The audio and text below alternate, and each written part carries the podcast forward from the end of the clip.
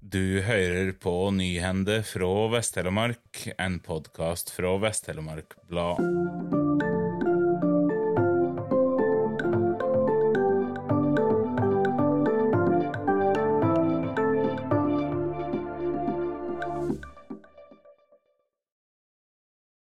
Økonomisjefen og kommunedirektøren i Kviteseid fortviler over de store utgiftene til vikarleger i kommunen. I mars måtte de ut med nærmere 160 000 kroner på ei uke for én vikarlege. Nå tapper vi sparekontoen, og på sikt vil dette gå utover andre tjenester i kommunen, sier Tore Aasland, økonomisjef i Kviteseid, til Vest-Telemark Blad. Kommunen har streva med å rekruttere leger til det lokale kontoret, og har de siste månedene legget inn leger fra vikarbyrå. Det koster penger, og i juni informerte økonomisjefen kommunestyret om at utgiftene til legekontoret kan bli 7 millioner kroner høyere enn planlagt. Den rimeligste av de tre vikarlegene i Kviteseid er ikke legget inn via vikarbyrå. Inklusive sosiale, utgifter koster legen kommunen 60 000 kroner i vika. De to andre legene har avtale via vikarbyrå. De koster kommunen 84 000 og 76 000 kroner i vika. I tillegg fakturerer legene overtid og får også lønn for vaktene de tar på legevakta i Seljord. Samferdselsminister Jon Ivar Nygård fra Arbeiderpartiet kom med en gladnyhet tirsdag ettermiddag. Regjeringa lover penger til Røldalstunnelen. Planen om tunnel mellom Seljestad og Røldal på E134 i Ullensvang kommune har vært inne i Nasjonal transportplan ei rekke år, men prosjektet har blitt sett på vent som følge av den økonomiske situasjonen. Tirsdag varsla samferdselsminister Nygård at det kommer penger til prosjektet. Dette er en veldig viktig tunnel, for her er det utfordringer med framkomme, og tungtransporten står ofte fast, sier Nygård til NRK. Nyheten ble offentliggjort på en pressekonferanse på vestsida av den gamle Røldalstunnelen, den 13 km lange tunnelen som skal erstatte dagens Røldalstunnel, Seljestadtunnelen og de tunge stigningene i Håradalen, vil korte ned reisetida med 7 km og 12 minutter.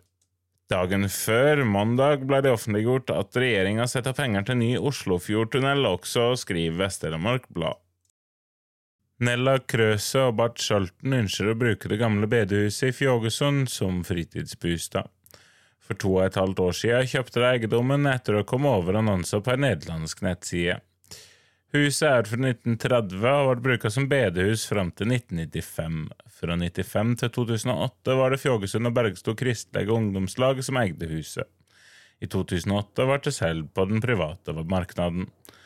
Schalten er tredje private eieren av bygget og skrev under på en nederlandsk kjøpekontrakt. Jeg var ikke klar over at det var buplikt her, det fikk jeg greie på etterpå, forteller han til Vest-Telemark Blad. Paret, som bor i Nederland, hadde lenge ønska seg et hus i Norge. Planen var å bruke huset som feriebostad. Det er lagt ned mye arbeid for å gjøre det fint både inni og utafor, og opplever at naboene er glade for at huset blir tatt vare på.